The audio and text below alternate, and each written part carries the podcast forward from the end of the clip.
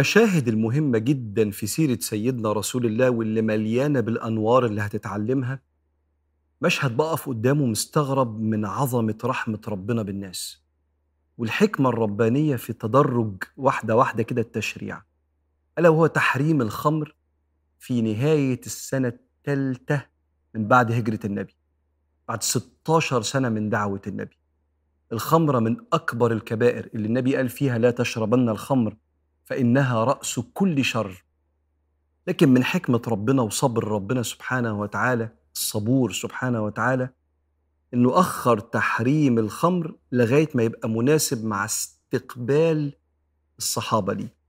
وكانت السيدة عائشة كما في البخاري بتقول لو كان أول ما نزل من الإسلام أو من القرآن لا تشربوا الخمر لقال الناس والله لا ندع الخمر. لا ده صعب علينا. وأنت هتشوف دلوقتي في القصة إن هم كان عندهم براميل خمرة في البيت. زي ما يبقى أنت عندك إيه المية بالكميات الكبيرة ما تستغناش عنها الخمر عندهم زي المية. لكن سيدنا عمر مش مستريح. فقعد يدعي اللهم بين لنا في الخمر بيان الشفاء. مفيش آية بتحرم الخمر لغاية دلوقتي بعد 16 سنة. بس إحنا فطرتنا بتقول حاجة إن إحنا مش مستريحين لشخصياتنا وإحنا بنشرب الخمر. وواحد مرة كان بيصلي فغلط في بعض الآيات لأنه كان شارب واشتكى للنبي عليه الصلاة والسلام فحصل شيء من الحالة كده إن إحنا عايزين نعرف بقى الموضوع. فنزل القرآن. يسألونك عن الخمر والميسر. قل فيهما إثم كبير ومنافع للناس وإثمهما أكبر من نفعهما. عارف لما إيه في حاجة كده؟ إثمهما أكبر من نفع. طب ليه؟ طب نعمل إثم. حتى لو في منفعة. وتقوم نازلة وراها على طول الآية التانية. بسم الله الرحمن الرحيم يا أيها الذين آمنوا لا تقربوا الصلاة وأنتم سكارى حتى تعلموا ما تقولون ولا جنبا إلا عابري سبيل. يبقى ما تصليش وأنت جنب وما تصليش وأنت شارب الخمر. فبدأ يتحجم شرب الخمر لغاية بعد العشاء. هم أصلا كانوا بيناموا بعد العشاء كانوا بيصحوا الفجر. فاليوم كان بينتهي لما الدنيا تضلم بعد العشاء. لكن لسه لسه في آية كمان هتحسم المسألة بعد ما كتير من الصحابة ما بقاش عندهم وقت إن هم يشربوا وكانش أصلا نزل التحريم بس كأن من رحمة ربنا وتدريج التشريع بعدت عنهم قوي. لغاية ما بيقول سيدنا أنس بن مالك خادم النبي يقول كنت في بيت أبي طلحة الأنصاري دول كبار الصحابة وكنت ساقي القوم أنا اللي بديهم الخمر بالليل حتى نزلت على رسول الله يا أيها الذين آمنوا إنما الخمر والميسر القمار والأنصاب والأزلام. دي حاجات بتتعمل مع الأصنام في عبادة الأصنام. إنما الخمر والميسر والأنصاب والأزلام رجس من عمل الشيطان فاجتنبوه لعلكم تفلحون. إنما يريد الشيطان أن يوقع بينكم العداوة والبغضاء في الخمر والميسر ويصدكم عن ذكر الله وعن الصلاة. فهل أنتم منتهون؟ فقال الصحابة انتهينا. صاحب البيت أبو طلحة قال قم يا أنس فأرق الجراب. الجراب البراميل. أدلق ده كله في الأرض. في لحظة سمعنا وأطعنا على طول. قال وخضنا يومها في الخمر في طرق المدينة. الناس كلها دلقت على طول أول ما ربنا قال.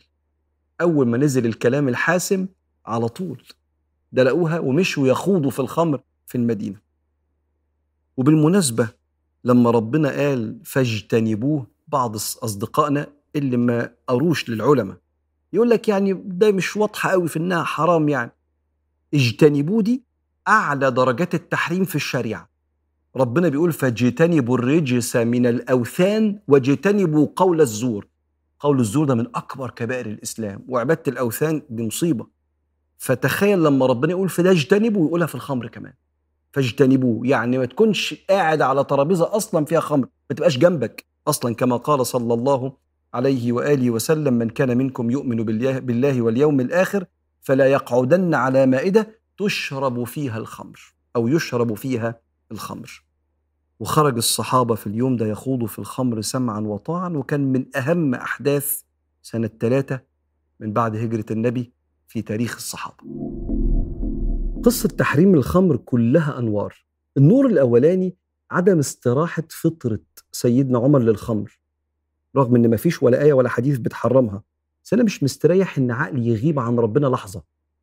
مش مستريح إن أجهزة الاستقبال في عقلي اللي تقبل من ربنا رسايله ومعانيه في الكون تطفي كده وتبقى لو باتري في حاجة يا سيدنا النبي ما تقول لنا حاجة في الموضوع ده. يا رب بين لنا بيان شفاء في الخمر يا رب. يا رب احسم لنا الموضوع ده فينزل القرآن موافق لعمر. وبعدين واخد بالك من مسألة تحريم الخمر اللي جت بالتدريج دي؟ لرحمة ربنا بعادات الخلق. اولا اتحرمت بعد 16 سنة من الدعوة. ثانيا بالتدريج لأن هم كانوا بيشربوها زي ما كانوا يشربوا المية. ولرحمة ربنا وإرادته إن الناس تبطل. مش بنقيم عليهم الحجة خدوا المعلومة دي. فلو عملتوها تخشوا الجنة ما عملتوهاش تخشوا النار. أقمنا عليكم الحجة. زي ما ساعات بعضنا بينصح. شوف الغلط يقوم ناصح على طول. استنى. هو اللي قدامك جاهز إنه يستقبل منك النصيحة دي؟ أنت بتنصحه عشانك ولا عشانه؟ لو عشانك خلاص ارمي النصيحة في أي وقت وبأي طريقة. اقمت عليه الحجة وخدت الثواب خدت الحسنات. ده مش النبي. مش ربنا. الأول هو جاهز ولا لأ؟ وهل محتاج أعمل معاه حاجة؟ تقرب قلبه قبل ما أقول له الحاجة دي اللي أنا عايز أقول له عليها. هل هو سامح لي؟ هل إيمانه يسمح بحجم النصيحة اللي هقولها دي ولا استنى شوية لما نقرب من بعض ويقرب شوية من ربنا؟ ولا استنى شوية لما أحسن ليه فيحبني فيشوفني فيسألني هو أصلا زي ما سيدنا عمر عمل؟ تحريم الخمر مليان أنوار. وأجمل حاجة بقى أول ما اتقال فهل أنتم منتهون؟ قوم يا أنس. أعمل إيه حضرتك يا سيدنا طلحة يا أبو طلحة الأنصاري؟ ادلق البراميل اللي في البيت كلها في الأرض. مش مثلا إيه طب نسأل النبي طب نتأكد مش في واحد سمع من النبي إحنا مصدقينه أصلا هم كانوا بيصدقوا بعض. قوم ادلق كل البراميل. دي تكلفة كبيرة جدا. إيه تكلفة؟ ربنا يخلف علينا. دي حرام. الحال ده حال الصحابة. بس مش هقول لك غير كده اللي كانوا منورين بنور النبي عليه الصلاة والسلام.